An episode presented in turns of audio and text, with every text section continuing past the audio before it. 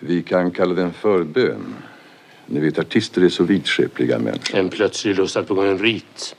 Den har kanske ingen betydelse i sig själv, men lusten att falla på knä eller knäppa händerna kan komma över oss då och då. En rituell lek, en besvärjelse, en formel, en slags konversation. Jag är inte skolad i själsliga komplikationer, men jag antar att vår lust har ett latinskt namn.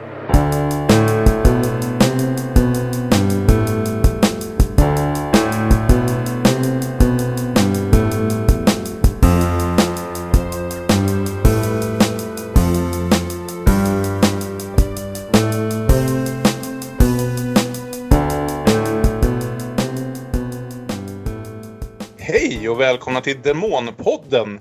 Podden där vi tittar oss hela vägen igenom de allra flesta av Ingmar Bergmans filmer under år 2019. Och ska vi väl erkänna, mycket möjligt, början av 2020. För vi har precis suttit här och diskuterat vårt schema lite grann. Och börjar väl inse att det finns en chans, en liten chans, att vi hinner med alla de här filmerna i år. Men det kan väl hända också att vi kanske drar över lite in på januari.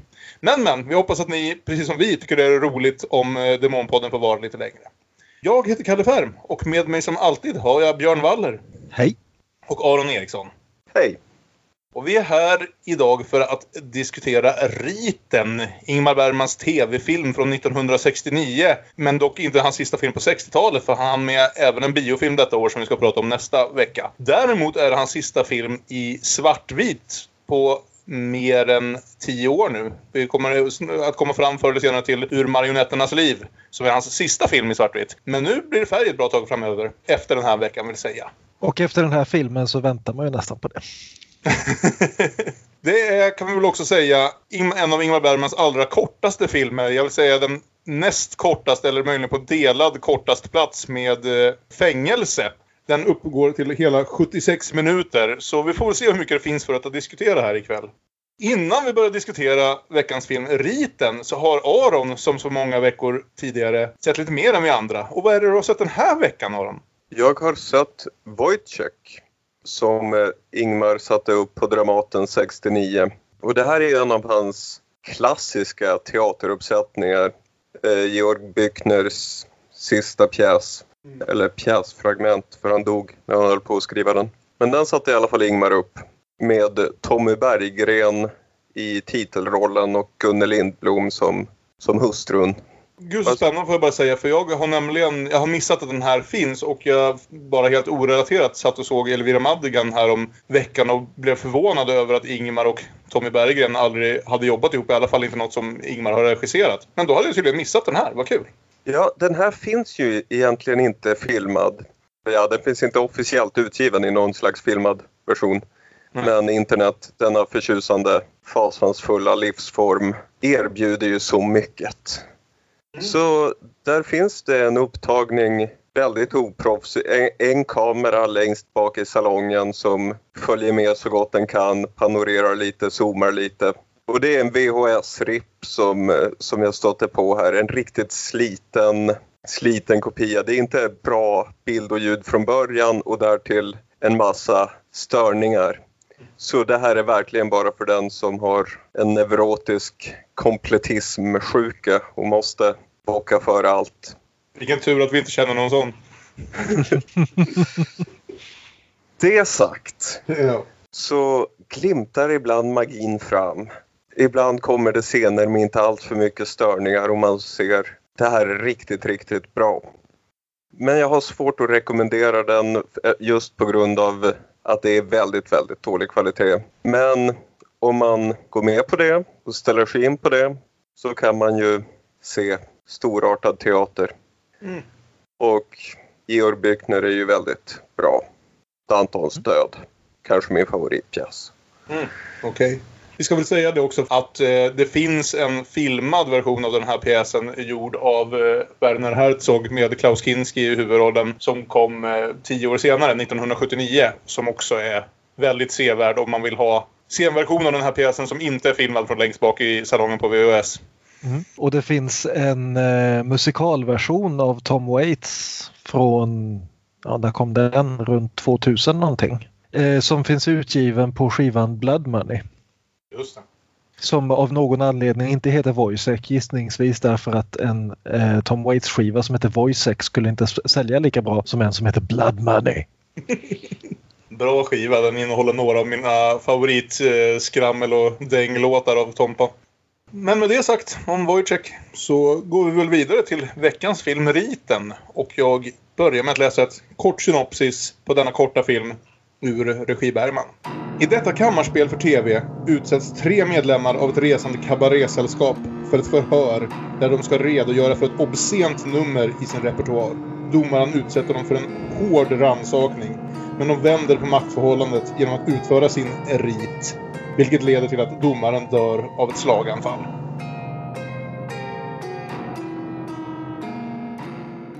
Vi kan ju också notera att för en gångs skull så har till och med ingmarbergman.se gett upp fullständigt. Och deras synopsis är fakt- hela synopsisen av hela filmen är faktiskt kortare än det du precis läste upp. Ja. Och det är ändå intressant för det är en film som skulle vara lättare än någonsin att bara ställa upp i... För, för den själv, filmen själv räknar upp alla sina scener. Det här är...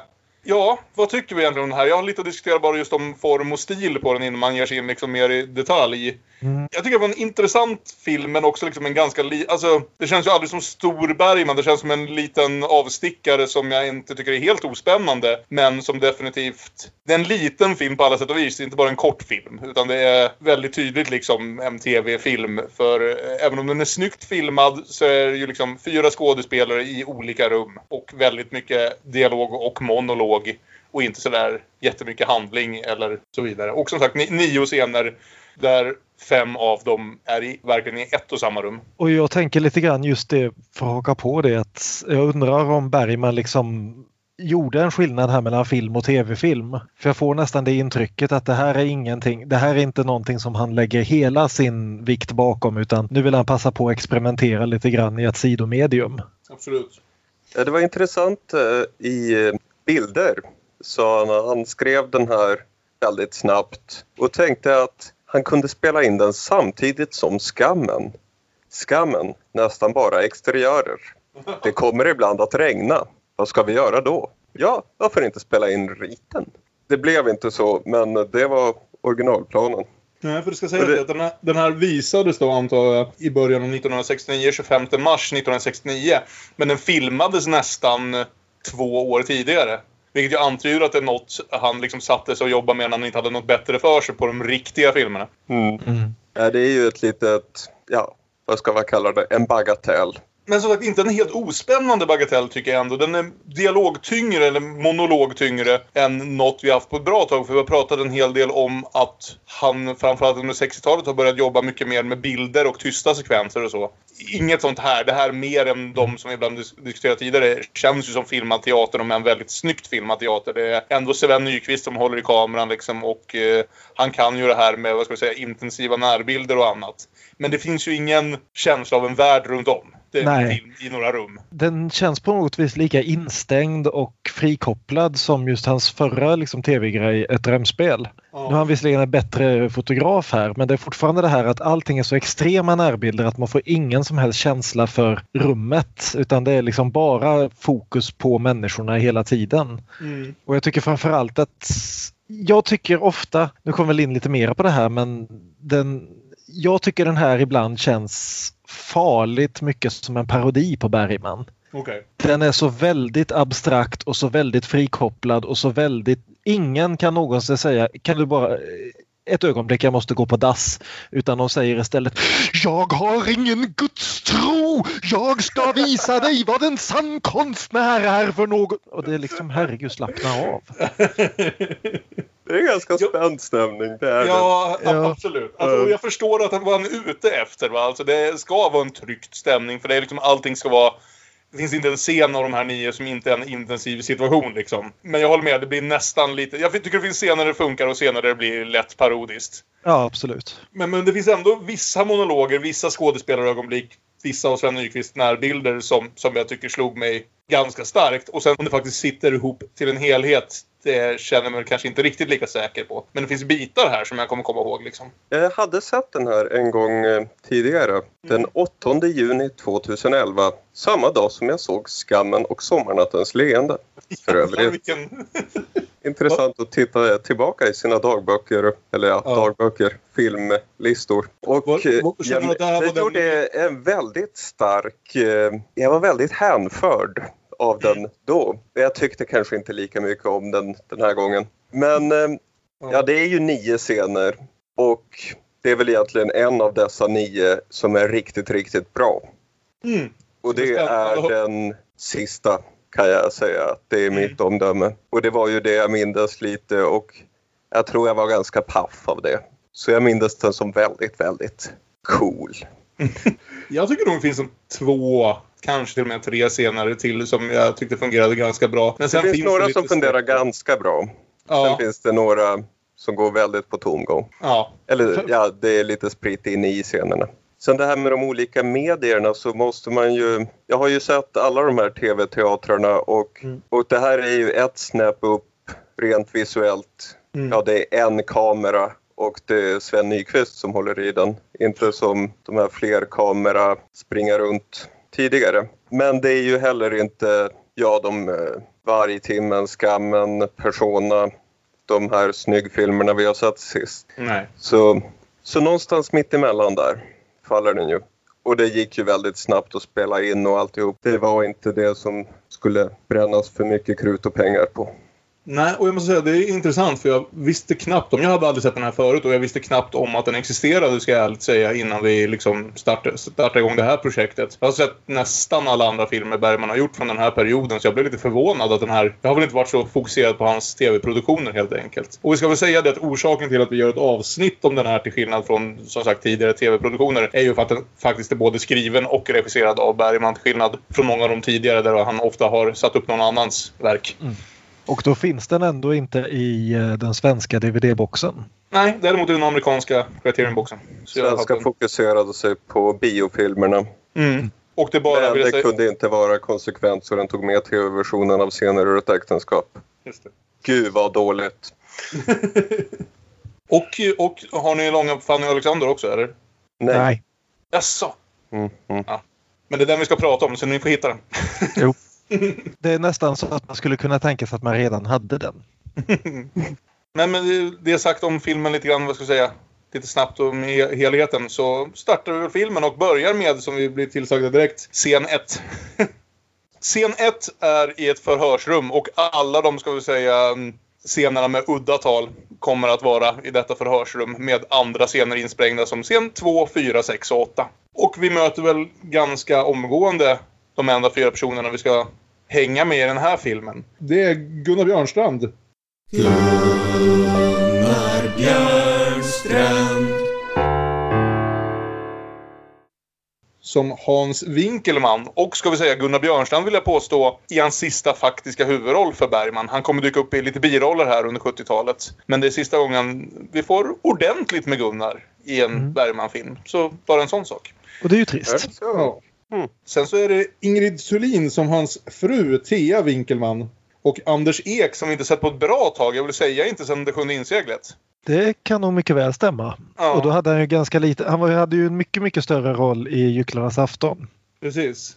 Men, och han gör ett intryck i sin enda scen i Det sjunde inseglet. Men, men eh, här får han ändå lite mer att göra får man säga. I alla fall i vad gäller omfattning av material, om inte nödvändigtvis kvalitet av material. Så spelar Sebastian Fischer och så är det domaren Erik Hell. För så här är det ju som vi hörde i synopsis att de här är inkallade här och om man bara ser filmen utan att läsa ett synopsis eller liknande innan så vet vi till en början inte riktigt varför de är inkallade till detta förhörsrum. Men det är helt klart att det är han som är förhöraren i någon form. Och Erik Hell har vi inte sett sedan eh, Skepp till Indialand och Halmstad, tror jag bestämt. Herregud, jag visste inte om jag hade sett honom alls faktiskt. Vem var han i de filmerna? Små roller. Ja, okej. Jag tycker han var väldigt bra i den här. Alltså så här är det. Det, nu är vi ju här igen. Var- Det, det, det är bra skådespelare i den här filmen. Säga vad man säga vill. Om materialet vid alla punkter så de här skådespelarna gör det de kan med det. Mm.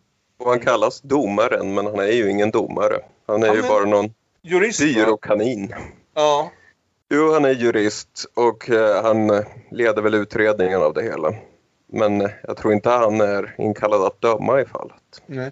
Och just det här, det hela eh, lämnas ju osagt ganska länge. Vi börjar väl ana det, men, men eh, som är lite typiskt i sådana här, vad ska vi säga, monologtunga filmer så dansar de lite runt vad det är vi egentligen, vad handlingen handlar om. Kanske för att avslöja, eller kanske för att inte avslöja att det inte finns så där jättemycket handling egentligen. Mm.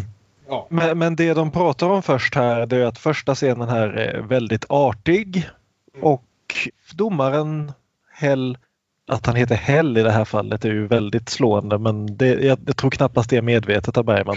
Jag har en liten fråga här, för att de heter Winkelman, Fischer också i och för sig Abrahamsson.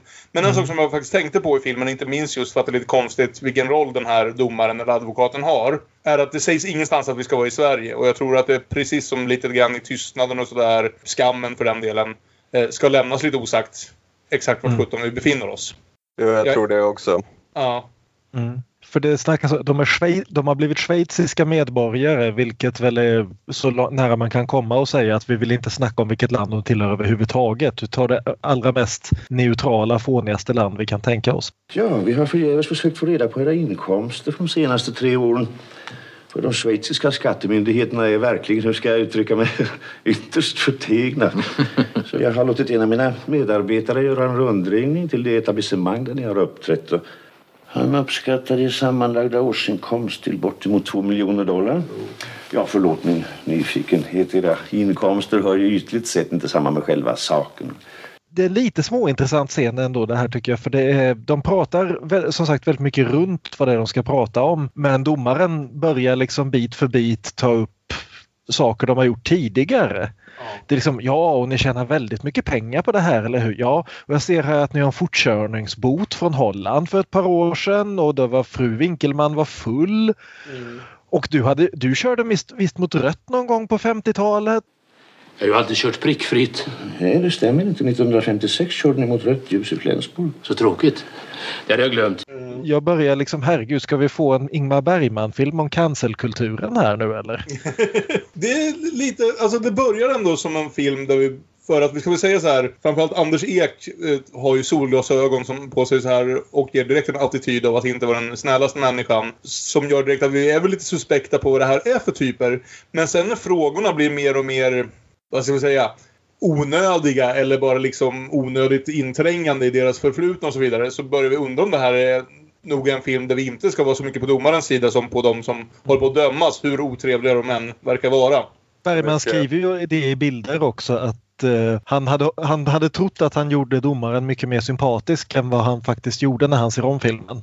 Mm. Det är ganska spännande. Han har en återkommande replik där om att det är för min egen nyfikenhet. Så fort de börjar ifrågasätta att han är ute och ställer frågor som han egentligen inte borde ha ett jävla dugg med att göra. Och han kommer undan med väldigt mycket bara genom det. Det blir någonstans... Det är därför man också får känslan av att jag säger inte att Bergman jämt var jätteglad över den svenska staten eller sådär, men eftersom vi har varit ute och rört oss lite i öststaterna med, med tystnad och med törst och så vidare, så får man lite känslan av att han, han är lite ute i, i Kafka, eller i alla fall i Östeuropa här. Vi kan säga om Gunnar att han får ju vara riktigt snygg och stilig. Oh ja. Det känns som ett tag sedan. Han har haft mycket lösskägg och underliga stilval. Men här, bra friserad, eleganta kostymer och polotröjor. Mm. Kul att se. Och Ingrid Thulin är klädd i en eh, svart peruk. Och eh, till en början väldigt tystlåten för... Eh, ja, vad ska man säga egentligen om det som händer händer i den här scenen? Det, Vad då händer? Det händer ju ingenting. Den här första scenen, jag gillar första scenen, eller jag gillade den då därför att den kändes som en prolog till någonting som skulle komma sen. Sen kommer aldrig det där andra. Men ja. vi lär oss lite om dem. Hon, eh, Mm. de, de skyller att hon har kört full på, eller att hon har varit full när de åkt fast för fortkörning på att hon har svårigheter. Eh, de kallar det för epilepsi vid tillfällen. Domaren verkar bara tro mest att hon har varit full. Och så vidare. Så vi lär oss lite om dem. De verkar ju som sagt... Eh, Ingrid Thulin är gift med Gunnar Björnstrand men får vi reda på ganska snabbt verkar ha ett intensivt förhållande även med, med Anders Ek. Som inte verkar sådär jätteväl dolt. Det, jag kommer ihåg, jag har lite svårt att hålla isär exakt vad som händer i alla de här eftersom som sagt mer än hälften av fem av de nio scenerna utspelar sig i det här förhörsrummet. Så jag har lite svårt att komma ihåg exakt vad som händer i vilken av dem. Men det börjar ju i alla fall med att han förhör om alla tre. Och sen så nästa gång vi kommer tillbaka så kommer han prata mer om en och en innan den sista scenen. Men den efter här första slutar med att Abrahamsson får något telefonsamtal Efter att ha ställt några frågor så får han telefonsamtal och måste gå ut ur rummet. Och de tre i skådespelartruppen Leriens Intigheterna, som de så snyggt har döpt sin grupp, börjar bråka med varandra. Det är inte den mest kärvänliga stämningen dessa tre emellan. Ända sedan morse har jag gått med en odefinierbar ångest. Den sitter här under hjärtat strax till vänster. Jag vill bara gråta och supa mig full. Du var full igår också. Vad menar mig också? Påstår att jag är onykter just nu. Fan att beskylla mig för allt möjligt hela tiden. Låt bli att beskylla mig! Hans menade inte så. Det är scen ett. Det är scen 1. Och i scen 2 får vi väl bekräftat det vi liksom anade lite grann redan i scen 1. Nämligen att de här två som inte är gifta med varandra i truppen, eh, Thea och Sebastian, Ingrid Thulin och Anders Ek, eh, spenderar tid på ett hotellrum tillsammans. Och det blir helt klart att de har ett förhållande som dock inte heller verkar vara det mest kärvänliga. Och eh, det här är ju egentligen, alltså det är ju en sån film. Som sagt, det händer inte så jävla mycket. Det är en del bra monologer för att bygga ut de här karaktärerna men de görs ju samtidigt de är lite spännande till, tills de inte är det längre och blir lite långtråkiga. Man tänker att det liksom ska utmynna kanske på slutet lite mer så jag tycker om väldigt många av de här monologerna som monologer. Mm. Men som sagt, de är inte bra på att bygga ihop det till någon större helhet. Och här framförallt finns problemet tycker jag att de inte grundar det i någon slags verklighet. Nej. Det, det här är liksom, det, det är sånt här som jag verkligen kan störa mig på när, med Bergman när han är på fullt liksom filosofihumör. Att det är en filosofi helt utan människor i. Mm. Det, det, är liksom, det är bara koncept som grälar med varandra. Det är inget kött och blod någonstans i det. Nej. Vilket är speciellt slående med tanke på hur erotiskt laddad han försöker göra scenen och det bara faller platt. Och hela filmen, och någonstans är det så här, vi börjar ana här, vi får det snart bekräftat, jag kommer inte ihåg exakt när, när att det som den här undersökningen är, är en undersökning om huruvida deras senaste pjäs, eller som sagt i alla fall stycken av deras senaste uppsättning bryter mot sedlighets och moralens normer och eh, därför de undersöks. De diskuterar, vi hör ibland det här ordet att de genomför riten på scen. Eh, domare pratar om att han faktiskt ska gå och se den och så vidare. Det för oss ju tillbaka till, för att inte tala om alla dessa kvinnor. Nu har liksom Bergman varit ute igen och börjat bråka med kritikerna och censuren känns det som. Jo, Och han är, ju, precis. han är ju väldigt sugen på att utmana det här. För jag vet inte riktigt vad det var för censurregler som existerade på SVT 1969. Men av att döma av den här filmen så var de inte så väldigt många. eh, det är ju ett grövre språk vid flera tillfällen än vad vi någonsin har varit med om i Bergman tidigare. Ja, det är väl de- den första K-bomben i hela Bergmans Ja, och- och- produktion. va? Mm, Du skulle egentligen ha fyra olika män. En som försörjde dig, en som knullade dig, en som roade dig och en som skötte ditt själsliv. Ja, jag har det så fattigt så. Det finns två monologer med ord som inte sagts tidigare. Det är ganska mycket naket och även när det inte är direkt naket så insinueras diverse sexuella akter. De, det, Ja, de, puss, de pussar varandra både här och där. Det dyker upp lite fallosar här och där. Och det är ju liksom ganska fascinerande att Bergman gör en film om hur jävla jobbigt det är att jo- jobba med alla dessa censurmänniskor överallt och sen släpper den på svensk TV. Utan där han uppenbarligen verkar ha kommit undan med hur mycket som helst. Sen som sagt, jag tycker det finns enstaka bra repliker i den här scenen. Ingrid Thulin har någon fin replik om att hon har pratat med psykiatriker om att hon upplever livet som en flod. Och så sa han, öarna i floden är tecken på annalkande död. De blir större och fastare. De höjer sig ur det strömmande mörkret. En dag är strömmen kvävd av öar. Jag tycker det är en fin bild. Jag tycker den är lite bortkastad här i men det, jag gillar den. Och, så- och så har hon också någonting om att hälften fågel, hälften människa. Och där tänker jag liksom att den här filmen känns lite grann av och till som en fotnot. En ganska onödig fotnot ska jag säga till varje timmen. Mm. För jag tycker varje timmen lyckades så väldigt bra med att inte säga det den skulle säga så kommer den här filmen och säger inget annat än det den försöker säga. Nej, precis. Den hade kunnat vara en upphottad version av ansiktet men det, Ja. det har ju vargtimmen redan varit också. Mm, Precis. Och scenen slutar i alla fall med att Fischer tänder eld på sängen. Mm. Och på Han sitter kvar vis... i sängen där han... Ja, Och det, och det här känns som en sån typisk teatral sak som att det här händer inte ens i filmens verklighet. För då känns det som att det borde ha tagits upp på något sätt. Det är väldigt effektfullt. Det skulle vara otroligt effektfullt på en scen föreställer man sig. För det här känns som en film. Eller det här känns som att det borde vara kanske mer effektivt som en pjäs på en scen. Tyvärr. Mm. Jag satt och tänkte det just innan han tände eld på sängen och tänkte att okej, det där hade varit svårt att göra på scen. Mm.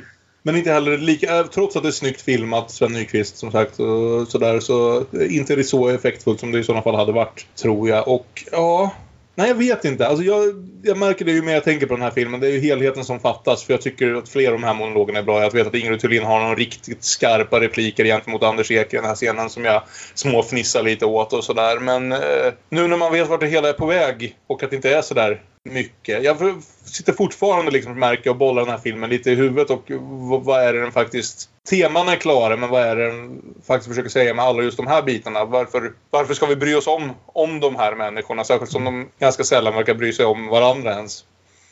Thea har en grej här, apropå det här med filosofi utan människor och utan bara koncept. Mm. Well, det är ju Platon som gjorde det först. Helt människofrämmande som han var. Mm. Så Thea pratar om sina män och Mm. pratar om hästar. Jag drömde att jag skulle ut och åka en gammal kärra. Jag hade två hästar att välja på. Den ena var yngre och den andra var äldre. Sen valde jag den yngre sen jag märkte att den äldre inte orkar så mycket. När jag kom fram så satt hästen i vagn och körde och jag gick och drog. Men hela tiden så pratade hästen om kärlek och konst och frihet.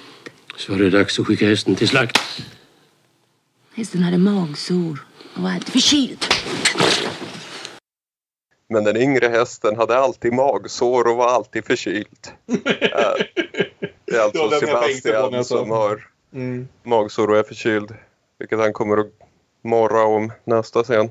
Mm. Men Platonkopplingen där är uppenbar till liknelsen med själen och historien om körsvännen i Phaedros som kör sin vagn och det är två hästar och han måste tygla dem. Begäret och stoltheten ska tyglas av förnuftet, bla bla. Men denna tredelade själ har vi också vad Bergman gör i denna film. Mm. För han tycker att denna teatertrio är citat ett ambitiöst försök att spalta upp mig själv och gestalta hur jag egentligen fungerar. Vilka krafter som håller igång maskinen. Och han är ju väldigt upptagen med den här konstnärsrollen dessa år. Och Ja. det är ju Dramatentiden som har gjort det med honom, tycker han själv i alla fall. Och det är väl rimligt att tro att det var så. Att under Dramatentiden hade varken Thea eller Sebastian, alltså Ingrid Thulin och Anders Ek, fått tala. Det hade bara varit den väldigt vuxne, rakryggade Hans, Gunnar Björnstrand, som förde ordet hela tiden. Så det är väl det som är vreden som ändå finns i den här filmen. Även om, ja, den slås mest i luften känns det som. Ja, han har sagt de här sakerna bättre. Ja. Tredje scenen. Vi är tillbaka i förhörsrummet. Och nu är det Anders Ek som Precis, nu ska Fischer förhöras av domaren och han börjar med att förklara att han är så sjuk, han är, han är förkyld, han har diarré. Det, ja, Ja. Om vi inte redan Helt- anar att det här handlar om Ingmar så...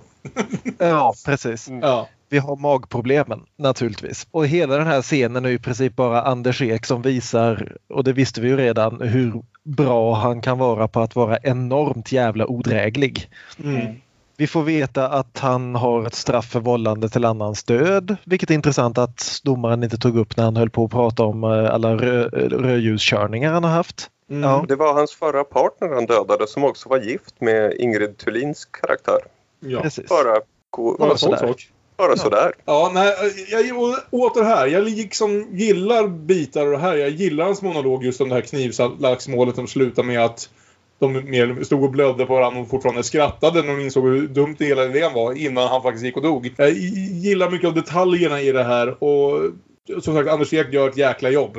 Alla gör det här, men, men nästan tangerar överspel ibland kan jag väl känna. Han ska vara så fruktansvärt intensiv och förbannad i allt han säger. Jo. Det, det är sidobitarna som funkar, det är inte helheten. Nej, precis. För det som händer är ju i princip att han skäller ut domaren för att han har mage att försöka döma en konstnär. Och att det bara är det här borgerliga avundet och bristen på bildning och taktlösheten som gör att han ska, han försöker låna lite guld av de här tre världsartisterna och få smiska dem lite grann. Men ja, och domaren försöker rätta honom och sen så säger Fischer någonting om en man som har ätit upp sin familj och sin gud och behövt skita efteråt. Och ja. Domaren, eh, ja, domaren som vi kallar honom inom citattecken, Abrahamsson, han får en attack av oklart slag. Ja, han är ju en äldre, lite kraftigare herre och det som återkom, återkommande uttrycks är att det är den varmaste sommaren i Sverige i mannaminne, 35 grader i skuggan. Men Eh, säger de alltså i Sverige ändå? Nej, de säger frågar. inte Sverige. Nej, de säger nog den varmaste sommaren Mm. på, på man, i mannaminne, precis. Hur som helst, men de kommenterar på det för att det ska förklara just att eh, alla, men framförallt Abrahamsson, svettas något överjävligt hela vägen genom den här filmen. Vilket väl verkar vara relaterat till vad det ändå är han går igenom. Och, men han får också, precis som Ingrid Thulin, någon form av attacker här. Och eh, vad, vad liksom de här attackerna beror på. Alltså han, han verkar inte hantera att, att få och så är det hela vänt på sig att han börjar anklagas för en massa saker. Av Anders Ek så verkar det slå honom väldigt illa och eh, det kommer vi återkomma till, minst sagt. Mm. Eh, Det är då den lustige Sebastian Fischer tar fram den här historien om en man som åt upp sin fru och sen en bit av Gud. En man kommer in på en polisstation. Han söker kommissarien. Han måste rapportera något egendomligt. Vad måste han rapportera? Jo, detta. Han har gripits av en kolossal ödesdiger matlust. Han har ätit upp sin hustru, sin bodbetjänt, sina båda barn, sin sega mormor. Fram på eftermiddagen kom en skäggig man in i butiken. Det var Gud själv. Han skar en filé ur Guds innanlår och åt den. Sen kände han ett obetvingligt behov att skita. När han gjort ifrån så gick han till polisen. Som sagt, lugna historien är snart slut. Han lyfte på huvudskålen som han sågat av jäms med ögonen och visade den förbluffade kommissarien en tom insida. Hans huvud var fullkomligt tomt. Längst ner vid halskotorna satt ett dragsnöre för ögonlocken, men det var också allt. Nu har ni väl lugnat er. Nu ska jag gå. Mm. För att lugna den hysteriska Abrahamsson. Eller Ja, något så. sånt. Han tycker det är en lite rolig, liksom, en rolig historia att berätta för att slappna av. Få ett skratt så här på slutet. Äh, Påstår han Så. i alla fall.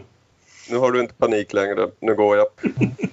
Det avslutas med en... eh, Ja, av någon anledning så vill Abrahamsson då fråga vad har du för trosbekännelse? Jag har aldrig behövt någon gud eller frälsning eller evigt liv.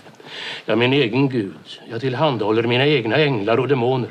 Jag vistas på en stenig strand som i vågor sänker sig mot ett skyddande hav. En hund skäller, ett barn gråter. Dagen sjunker och blir till natt. Ni kan aldrig skrämma mig. Ingen mänsklig varelse får någonsin skrämma mig mer. Bara för att Bergman hade en liten, ett litet träff om jag är min egen gud, jag tillhandahåller mina egna änglar och demoner. Mm. Ganska ballt. Fa- Fast jag gillar just den här repliken där att en hund skäller, ett barn gråter, dagen sjunker och blir till natt. Det, jag jag gillar den repliken. Men eh, Men det, det är mycket sånt bildspråk här som fungerar. Alltså, det här känns ju nästan som en övning för Ingmar i att skriva de här jävla monologerna här på något sätt. Det är liksom nästan lite... Han är ute och testar en massa grejer. Det känns medvetet nästan som att det är en, en, en provfilm på många sätt. Vad händer om vi gör så här? Vad händer om vi gör så här? Både på när han har författat den och sen när han har filmat den. Funkar. jo, men samtidigt det här är typ hans 27 film. Man tycker Ja. att han borde inte behöva göra en massa liksom provgrejer inför, inför öppen ridå så att säga. Får jag fråga, han har ju satt upp otroligt mycket pjäser vid det här laget. Är det, han, det är väl Aron antar som har bäst koll på sånt. Han har liksom författat några av de här pjäserna själv bara att de liksom inte sen Väldigt filmades eller få så. tror jag, väldigt Ja. få får jag intrycket av. Jag har För- bara skummat igenom de där listorna men eh, de är väldigt enstaka och mest någon tidig då. Ja. För, för som sagt, vi visst, vi vet vid det här laget att han kan skriva filmer, men kan han skriva pjäser? Är väl frågan som liksom kommer fram här. För det här, ärligt talat, känns ju mer som en pjäs än en film. Mm. Ja, hur som helst. Scen fyra. Och här träffar vi ju faktiskt en femte person. För Abrahamsson, efter den här uppskakande upplevelsen, bestämmer sig för att gå till kapellet och bikta sig. Nej, han vill inte bikta sig men han vill prata med prästen lite grann bara. Ja, okej. Och, här, och här sitter Ingmar själv och cosplayar det sjunde inseglet. Vi var Allbender.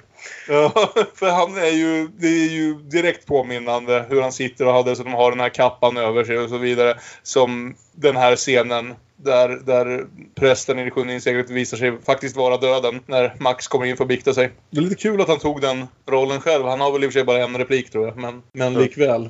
Att när man går och biktar sig i en Bergman-film så vem biktar man sig för? Okej, han ska inte bikta sig, men det är ju likväl där så det blir. Fader, jag vill inte bikta mig. Men jag behöver någon att tala med. Jag lyssnar. Abrahamsson har dödsångest. Ja. Jag tror att jag ska dö. Underligt nog är jag rätt. Igår när jag gick hem från en förhandling var jag tvungen att sätta mig på en bänk. och Jag upplevde mig själv som redan död. Jag kände en stank från min kropp som jag aldrig tidigare lagt märke till. En monolog som du kan hitta i några dussin film noir-filmer.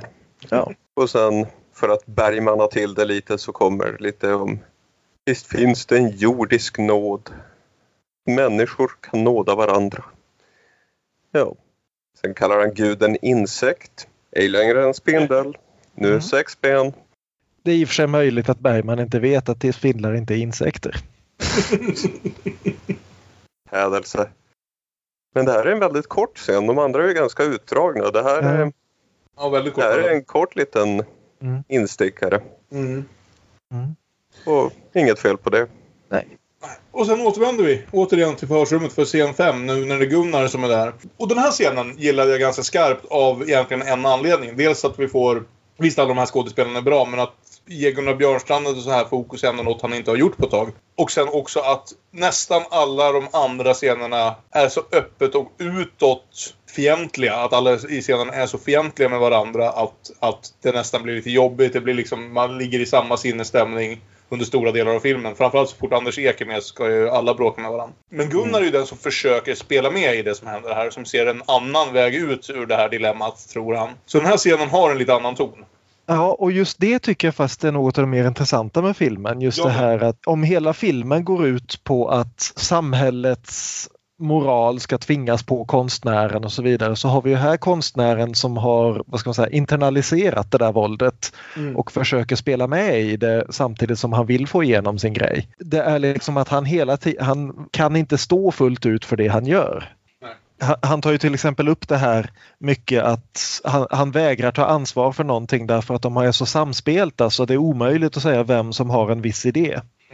Och det, du har också det här enormt passiv-aggressiva från eh, domaren att ja men det är inte jag som gör lagarna och lag, det håller du ju med om att lagarna måste ju följas även om de är antikverade och bla bla bla. Så det här är liksom en uppvisning i två passiv-aggressiva människor som försöker sätta sig på den andra utan att den andra tar illa upp.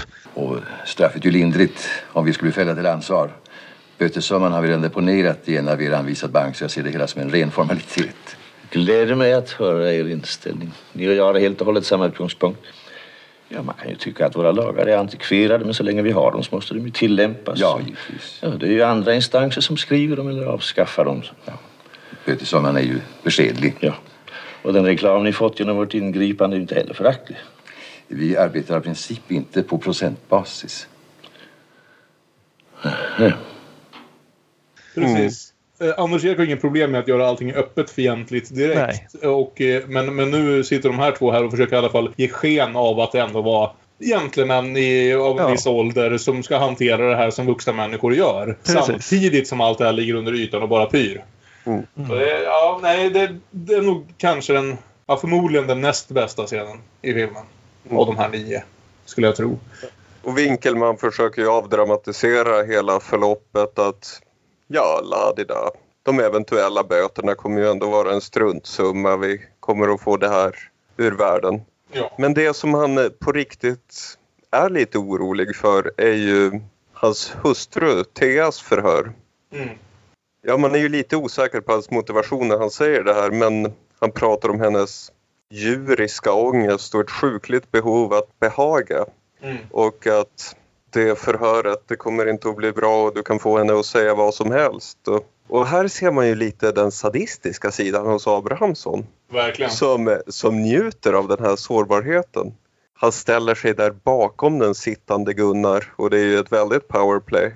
Mm. Mm. Eh, En bild som vi ju kommer att få inverterad i scen 9. Men Gunnar skriver i alla fall, han försöker muta Abrahamsson att blåsa av det här förhöret med Thea. Fast han säger förstås inte muta. Nej, nej, nej. Det är han alldeles för gentleman för. Ja. Men han skriver en check.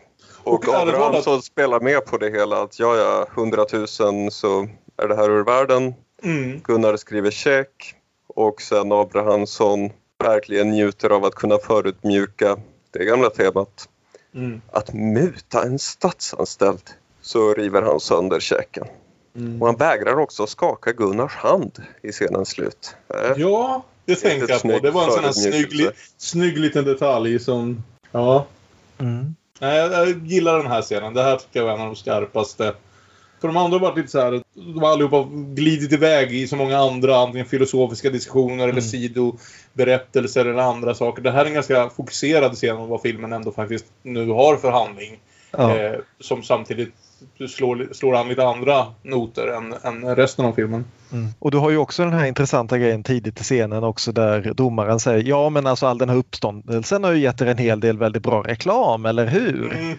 Som, och, men också återigen, om Bergman hade valt att göra en film på allvar om liksom ett gäng konstnärer som ska gå upp och bevisa sitt värde inför en censor så är det ju den biten han hade spunnit vidare lite grann på. Men nu är han för upptagen med att spinna ner i exakt vilken aspekt av sitt ego som Gunnar Björnstrand representerar och då, ja, då är det fortfarande en bra scen men den, liksom, den snuddar vid någonting som är intressantare. Ja, precis. Ja. Mm. Detta om scen 5.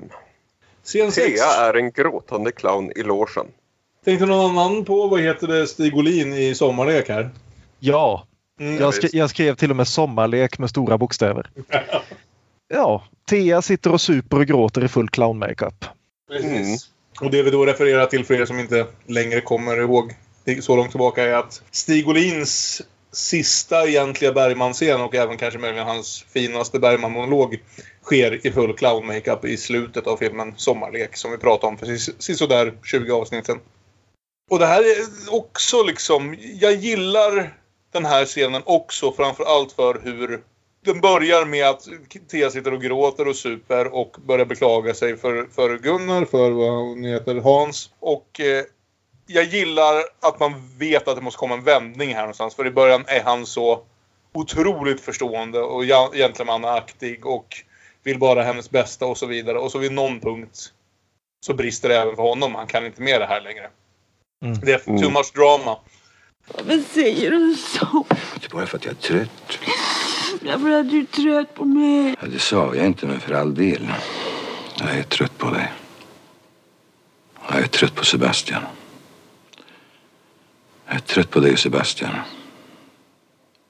Jag är trött på att resa runt med två dårar. Jag är trött på vår så kallade konstnärlighet. Jag tror inte längre på vår uppgift. Jag tycker vi är meningslösa, äckliga, löjliga. Vi har inte längre någon relevans. Jag vet inte vad revelans betyder.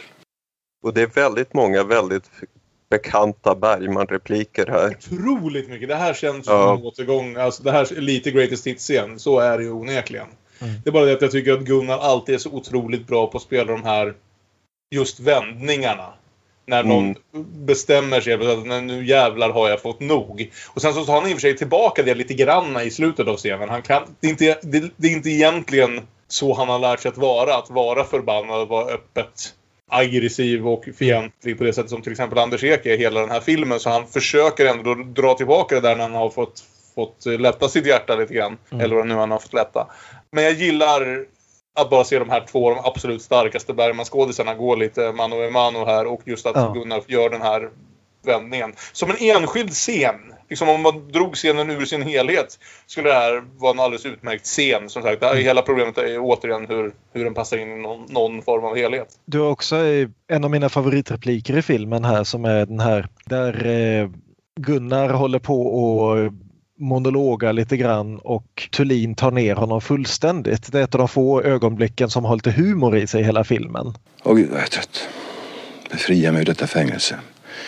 Befria mig mildare Gud, befria mig, befria mig. Du vill dö. Nej, inte precis dö.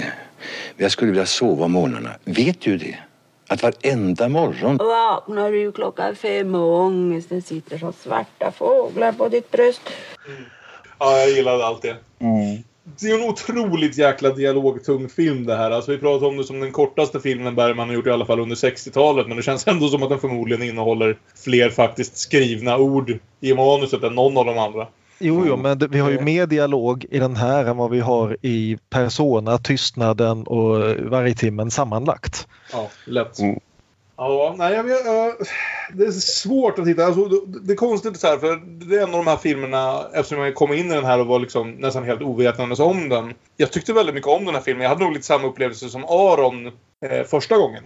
Mm. Hade av den att jag hade en ganska, liksom, jag hade en ganska stark upplevelse av den här. Och det är först nu när vi sitter här och pratar om den som jag faktiskt bristerna går upp för mig. Lite som det blev för Aron andra gången han såg den. Bara det att jag får det genom att diskutera det hela mer istället.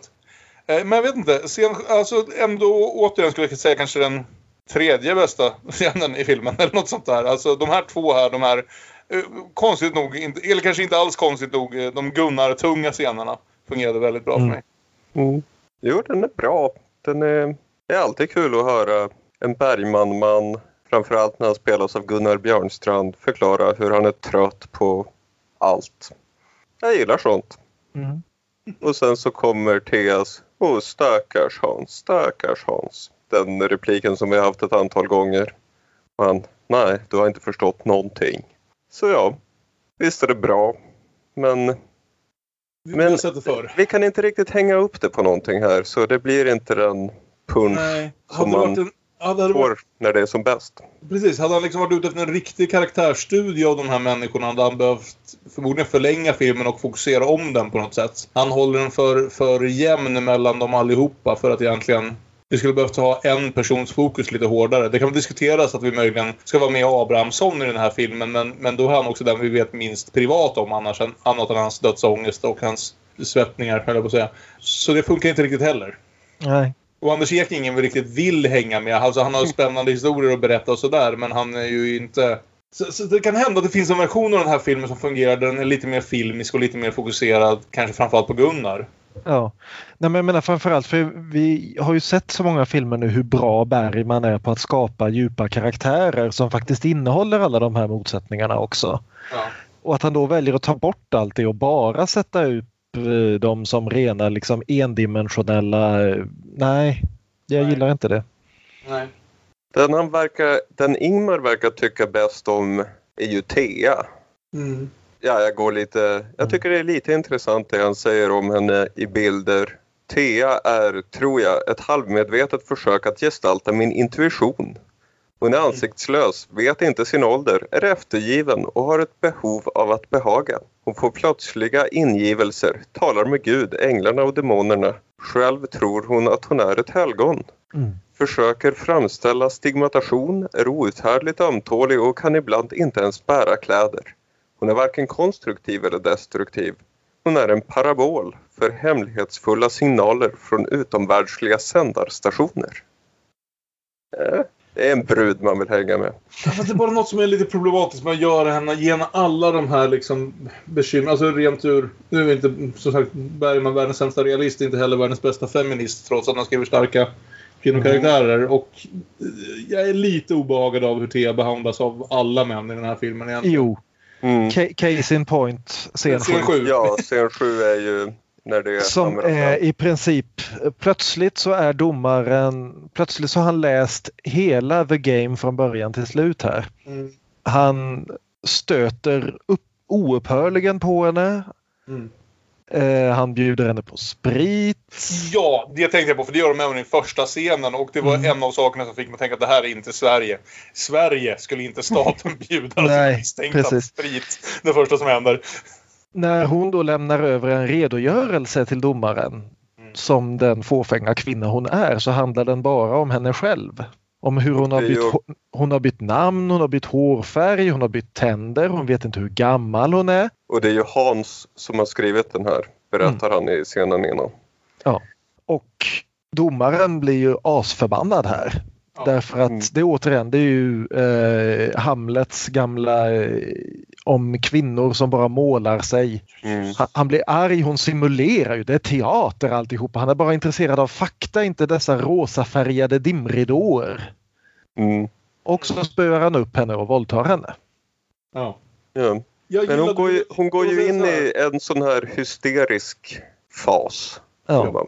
Och Ja. Han ser sin chans någonstans. Han Ja. verkar onekligen ha liksom åtrått henne för han börjar ju bara med att berätta hur otroligt vacker hon är och så vidare. Jag menar, det är hon ju. Men likväl så är det ju liksom långt över alla gränser och som sagt nästan som att det verkar som att det faktiskt om inte någonting han planerar så är i alla fall någonting han har försökt liksom haft inom sig men försökt skjuta bort då, under det här. Mm. Och allt är lite bara... Det här när hon inte vet hur gammal hon är och han blir svara på frågan cirkusluder och Ja. sen börjar örfila henne och ja, blir Det- det- så det oerhört upphetsad i denna situation att han inte kan låta bli att ha sex med henne. Nej, och det är en jävligt obekväm scen och jag menar den, den är stark i hur den är gjord. Det är bara frågan om den hade behövt göras alls. För jag tycker inte den är riktigt... Den har inte riktigt förtjänat det som händer i den.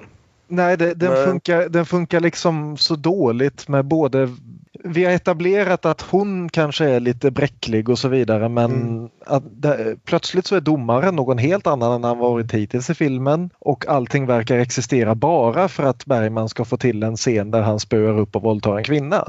Ja, och lite grann det här som, som är ett problem som vi har börjat problem, problematisera mer vill jag säga inom de senaste åren när man tittar på sådana här saker. Men problemet i att använda en våldtäkt för att skapa karaktär för våldtäktsmannen, inte Ja. för, för offret.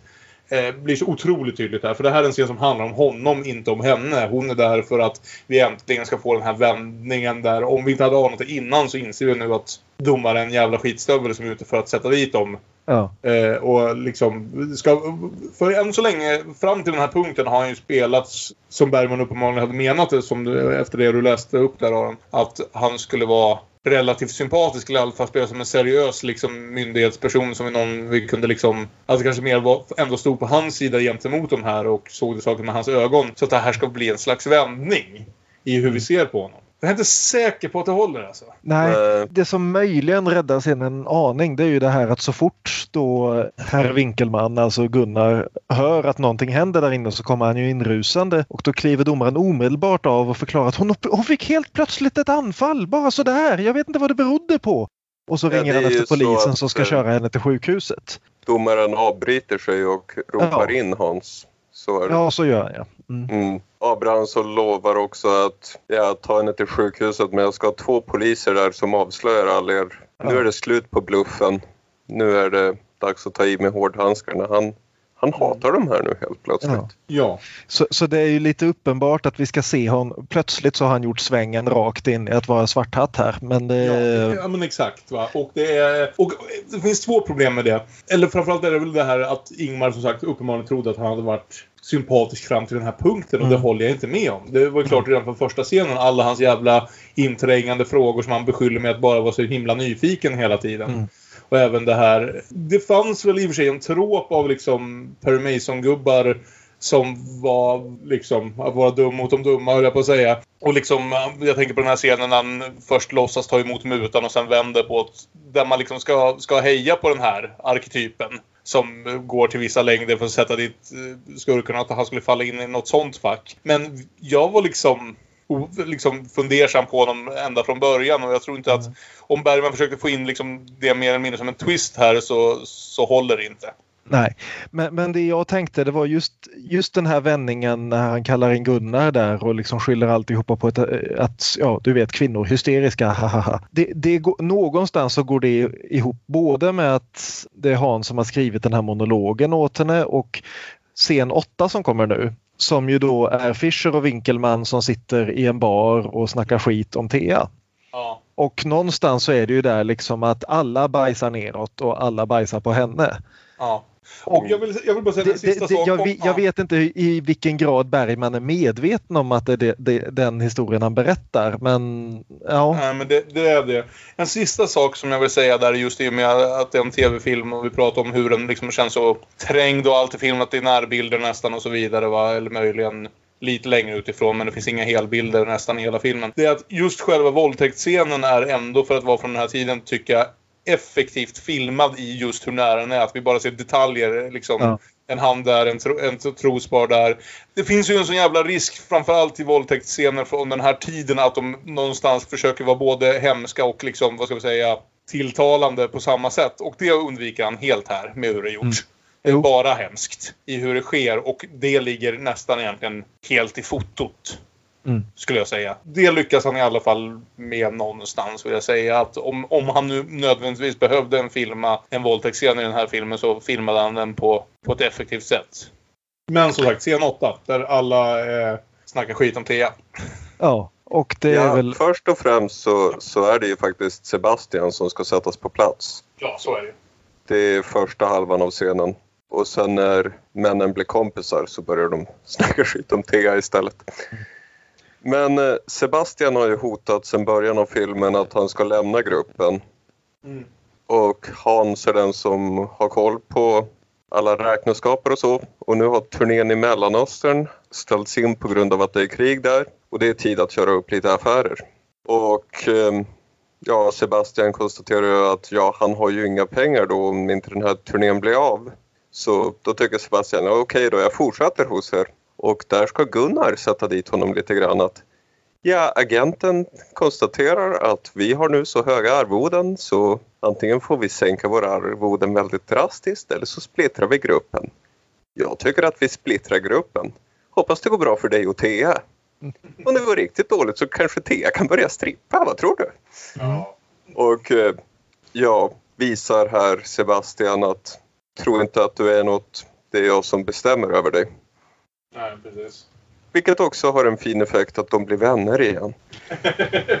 Och sen så börjar de som sagt prata om Thea och här har Bergman varit på en workshop och lärt sig skriva som Bret Easton Ellis. Hon säger att jag inte kan tillfredsställa henne. Du, Hon påstår att du var fin på det. Vad gjorde du? ja, försök inte med kärlek och ömhet. Det gör henne bara nervös. För in vänstra handen så djupt du kan och så tryck hårt med den högra mot klitoris där det gör ont. Hon får fler orgasmer inom ett par minuter. Sen kan du knulla när du vill och hur länge du vill. Förlåt en fråga. Hur katten kom du på det? Fantasilöshet, desperation. Vi behöver inte tala om förrän att vi har diskuterat det här problemet. Va? Nej, nej, självfallet. Så behöver du inte börja på att praktisera det på ögonblicket. Du kan ju låtsas att du kommer på det undan för undan, eller hur? Du oroar dig inte.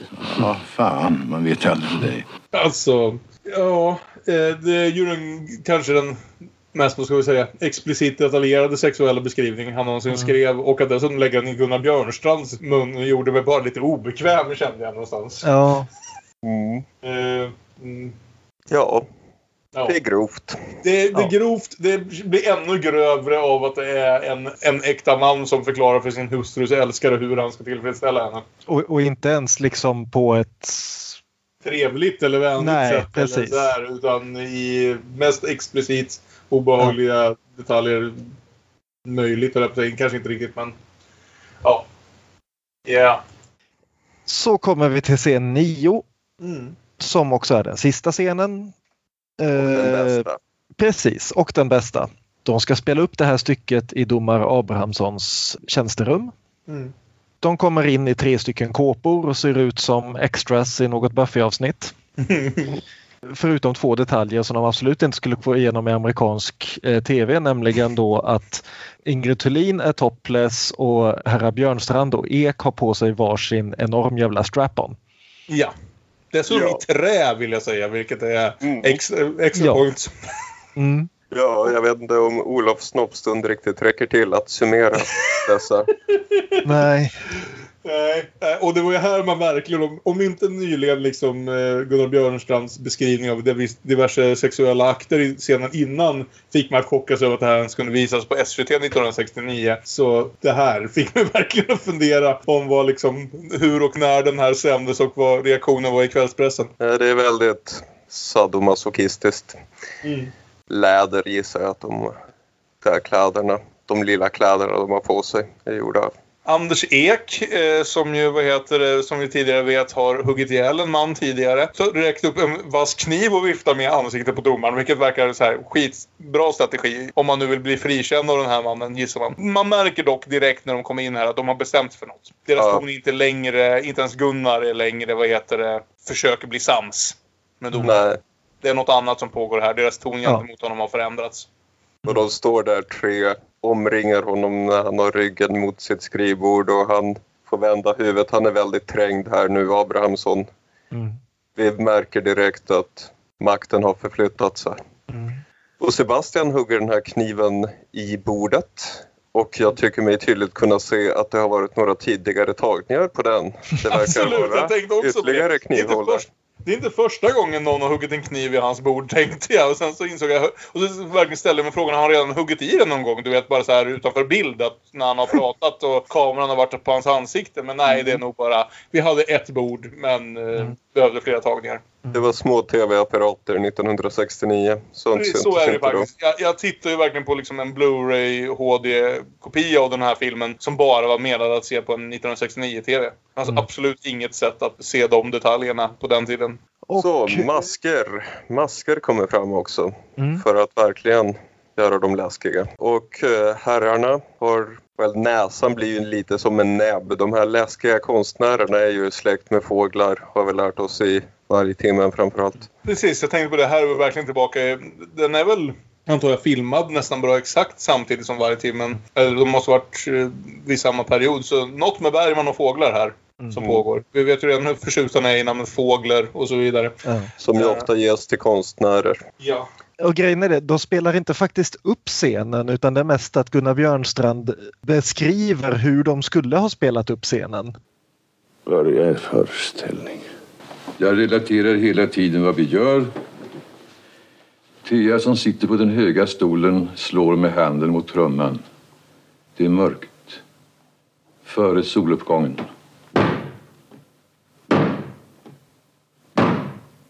Så är det gryning. Det kan vi inte åstadkomma här. Det får doktor Abrahamsson försöka tänka sig. Och det är lite oklart vad själva eh, numret egentligen, hur det egentligen skulle se ut på scen. För han nämner dels så har de en jag- massa ljuseffekter som de inte kan ha här naturligtvis. Men ja. jag undrar liksom, är det här numret eller är det här liksom en beskrivning av numret? Det här är den dåliga versionen av scenen precis som vi fick i ansiktet när vi fick Ja, en, exakt. Ja, Mm. en Jag tänkte också på ansiktet upplyst- att- Ja. Och, och det, det jag mig- kritiserade den filmen för att det inte ens är ett bra föreställning. Det jag böjd att säga här också bara det att jämfört med resten av filmen så framför det här som är ett mycket bättre scen än vad... Ja. Jag här tar den ju faktiskt i rent visuellt och det är väldigt snyggt och ja. många sådana där små Sven Nykvist-zoomar som väldigt obehaglig stämning Ja. faktiskt. Ja, ja, ja, verkligen. Jag föreställer mig att om det är en scen som är utredd för av sedlighetsskäl som inkluderar två gigantiska strap-ons så antingen händer något faktiskt på scen med de här strap-onsen eller så i alla fall antyds det att någonting händer med dem. ja. Det får vi inte reda på här riktigt. Jag, det var en stund där när jag trodde de var på väg dit men, eh, men eh, kanske tack och lov inte. Under hela den här tiden så pratar Abrahamsson oavbrutet. Hans egen lilla bekännelse. Nu kanske han biktar sig på riktigt. Ni kanske hatar mig, jag vet inte. Men ska jag vara uppriktig så känner jag en obestämd rädsla. Kanske var det inte nyfikenhet, jag vet inte. Men jag, jag ville så gärna se ett nummer på nära håll.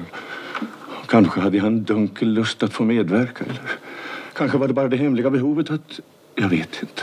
Och ja, det var min far som ville jag skulle bli jurist. Den början som Gunnar hade i nattvardsgästerna Exakt. som präst. Fast ja, det är det där. Skyll inte på mig, jag följer reglerna.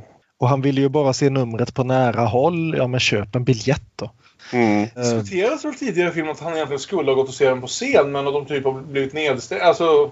Mm. Ja, de hade ju kommit till honom och varit väldigt trevliga helt plötsligt. Sebastian hade inte varit hotfull och aggressiv längre utan varit Ja men vi visar upp numret rent sakligt och bra i ditt ladida. Och se det på nära håll. Ja. Du kan till Men- och med få en autograf. ja. Du kan få en penisattrapp uppkörd i facet medan du pratar om din olyckliga barndom. Och Abrahamsson blir nervösare och nervösare och mer och mer panikslagen medan de då fortsätter den här pjäsen där det bland annat föreställer att då Thea som representerar en gudinna speglar sig i ett fat med vin och därefter dricker konstnären ur fatet. Mm. Vilket är en ganska bra bild faktiskt. Mm. Mm. Det, Bergman kommer ju återkomma till det, liksom just konstnären som den som speglar en glimt av det gudomliga. Det här är väl ett av de första ögonblicken av det och just den scenen tycker jag nästan gör filmen värde. Och vinet, blodet, vampyrkonstnären har vi också lärt känna tidigare. Precis. Och när Gunnar då dricker ur den här spegelbilden så får Abrahamsson en hjärtattack och dör. Detta var i korthet vårt nummer. Jag förstår.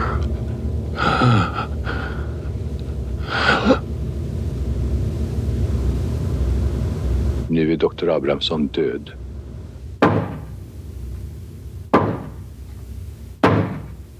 Detta var i korthet vårt nummer. Nu är doktor Abrahamsson död. Precis. Det, det är ju helt tydligt på något sätt och det görs aldrig helt klart för jag tror vi befinner oss utanför eh, verkligheten här. Men att det här är planen på något sätt. De är ju inne här. Det är därför de är så direkt liksom på ett annat sätt fientliga. Direkt så intensiva så liksom påtryckande. De vet på något sätt att, de, att, den här, att den här uppsättningen kan ta livet av honom. Hur är lite oklart. Men det är helt klart att det är därför de är där. Mm. Nästan eh, lite som du vet vi, det ställs, eh, ställs som en fråga och aldrig riktigt besvaras huruvida Max von Sydow faktiskt är magisk i ansiktet eller bara väldigt, väldigt skicklig. Har även dessa konstnärer något mått av magi? Eller så är det helt enkelt Bergmans issues med kritiker att om en kritiker någon gång skulle få se verklig konst så skulle han falla död ner. Ja. Jo, absolut. Symboli- symboliskt tror jag absolut att det handlar om det med. Men om vi bara tänker på liksom faktiskt det som händer i filmen. Jo, men så får vi lite eftertexter som förklarar att läkare konstaterade att Dr. Abrahamsson avlidit i en hjärtattack. Mm. De tre artisterna blev fällda för obscen, mot, brott mot obscenitetslagarna. De fick betala lite böter och reste på semester och återkom aldrig. De betalade sina böter, gav några intervjuer och reste i slutet av sommaren på semester. De återvände aldrig till detta land. Punkt. Mm. Slutet gott, allting gott. Det känns som att vi... Alltså, jag ogillar inte den här filmen ska jag säga. Vi har hållit en ganska negativ ton rätt igenom här. Men jag tror också det är att vi kommer från ett extremt starkt 60-tal. Mm. Vi har liksom vant upp... Jag tycker det här är ändå en bättre film än ska vi säga typ de allra flesta av de dussinet första vi såg. För den har tillräckligt mycket starka ögonblick, tillräckligt mycket starka monologer och skådespelarstunder. Så jag tyckte bra om den här filmen när jag såg den, men det blir ju lätt uppenbart Mm. framförallt när man sitter och liksom dissekerar den på det här sättet att den har sina brister. Jag tycker nästan faktiskt, och då säger jag detta som någon som beundrar Sven Nykvist något oerhört, att den här hade nästan funkat bättre som en filmad pjäs. Liksom ställ, ställ upp de här fyra människorna på en naken scen med liksom en säng i ena ändan och ett skrivbord i den andra och låt dem liksom verkligen spela upp inför en levande publik det här. För som det är nu så blir det liksom, det försöker göra någonting filmiskt av någonting som är så abstrakt och så, så att liksom alla små detaljer bara påminner oss om att det här är inte realistiskt alls. Vi, vi, liksom, vi pratade en del om att Så som min spegel till exempel har satts upp som pjäs. Jag skulle vara nyfiken på att veta om den här någonsin har satts upp någonstans. Mm. För det, det skulle ju vara lätt att göra liksom. Det är bokstavligt talat fyra människor i ett rum hela tiden. Mm. Och en Lätt ska- präst. Ja, och en präst. Glöm inte Ingmars skådespelande. Den gamla tågresande hundvännen har nu blivit präst. Det är första gången på ett tag vi ser honom. Eller i och för sig, han läste ju den onödigaste biten av Persona. Men, men eh, bortsett från det så var det ett tag sedan Ingmar själv dök upp någonstans, vill jag säga. Mm. Mm. Ja, nej, alltså inte en helgjuten film, men jag tycker ändå en intressant upplevelse. Eh, Jag gillar den också helt okej. Stundtals jättebra faktiskt. Den är, jag tycker den är mer intressant än bra. Jag tycker inte den är dålig någonstans. Jag tycker bara den är för skitnödig lite för ofta. och lite för Jag vet inte. ofokuserat. Ja. Mm. Jag är mer ofokuserad än skitnödig. Jag tänker att Det är, and- det är det- lite bagatellartat. Nu när jag tänker tillbaka på det, jag stör mig lite på Anders Eks skådespel. Han är så... Han tar Han är i så lite han tar i från ända från tårna precis hela tiden. Det finns inga riktiga... eh, Både Gunnar och Ingrid Thulin framförallt är ju mästare vid det här laget på Mm. att liksom eh, hitta olika nivåer för olika scener, för olika repliker och kunna skifta mellan dem. Ja. Anders Ek är, kör 110% hela tiden och det, det sticker ut. Men det är ju lite också att det är en person uppspaltad i tre. Så de kan ju inte vara helrundade karaktärer eftersom de bara är en tredjedels karaktär var. Så det är, Är- ju är lite det. Är detta alltså Bergmans Inside Out? Ja. Det är precis vad det är. Anders Ek spelar Anger. Mm. Fan, det skulle jag tagit som dubbelbull. Det hade jag inte tänkt på, men det... det hade varit en utmärkt idé. Ja, nej, jag vet inte om vi har så mycket mer att säga om riten egentligen. Som sagt, eh, det var spännande, inte minst för att det var första gången på ett bra tag som jag fick se en film jag inte hade sett förut. Ja, sen alla dessa kvinnor. Ja, men då är det väl dags för den här biten av programmet där vi diskuterar vilka filmer vi vill para ihop med riten. Och ja, vad heter den nu då, Aron? Det heter Dubbelbull, dubbelspel, parhäst, filmfest. Ja, det här är delen av avsnittet som sagt där vi parar ihop riten med en annan film, eller i vissa fall framförallt från våra gäster, en tv-serie eller bok eller något annat. Och jag påminner om det här därför att jag faktiskt inte har en film den här veckan utan ett tv-serieavsnitt. Så jag kanske ska börja med det i och för sig, nu när jag ändå har börjat presentera det som så. Jag började fundera lite på det här, för det är ju en film som ändå till, vad ska vi säga, fem av dess nio scener och säkert 70% av speltiden är någon form av förhör. Och just det här med förhörsscenerna är ju, vad ska vi säga, en standard, en trop, framförallt i kriminalfilmer. Och om man vill kalla riten för kriminalfilm är väl upp till var och en. Det kanske inte riktigt så jag ändå tänker på den. Men jag börjar tänka på det. Vilken film eller vilken eh, form av visuellt media har den bästa förhörsscenen?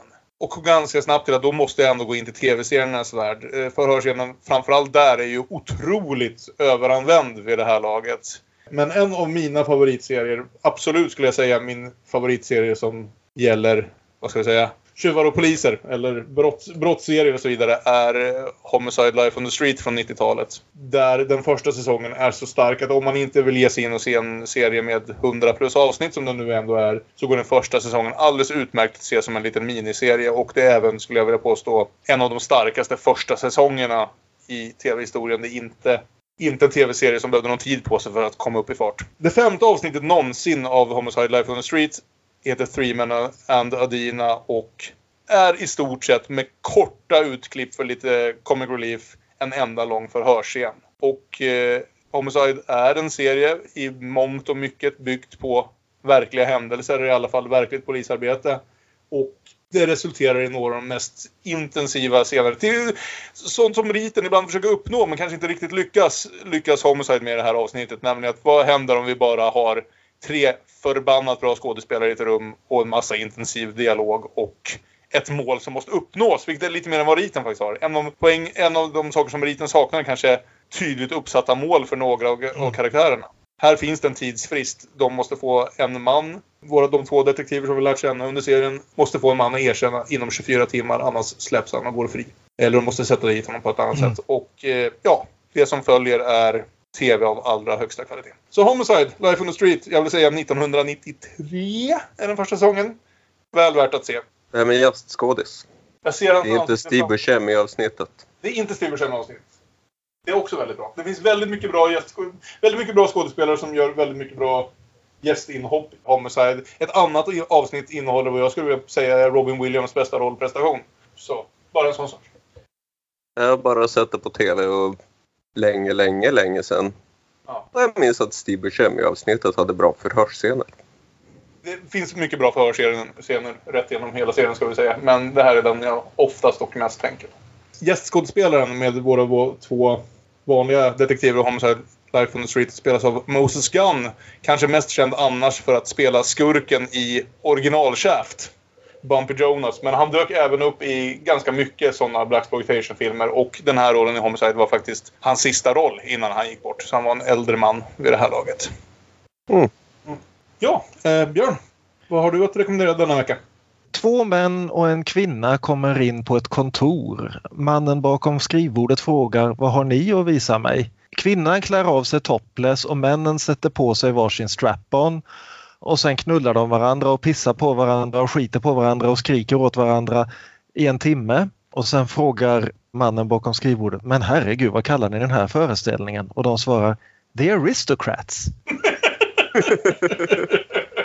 Så min dubbelbull den här veckan är ju då Penn Gillettes dokumentär The Aristocrats från 2005 som handlar om just det här skämtet som jag nu gjorde en väldigt dålig version av och som är sån här standardskämt inom komikervärlden därför att det helt och hållet går ut på att improvisera utan en rolig poäng därför att själva poängen är så fullständigt meningslös så att det är hela tiden vägen som går dit. Så den här dokumentären är då helt enkelt ett stort antal amerikanska komiker som försöker ge sin variant av det här skämtet och försöker förklara varför det är roligt och varför alla som inte är komiker inte kan fatta varför det är roligt.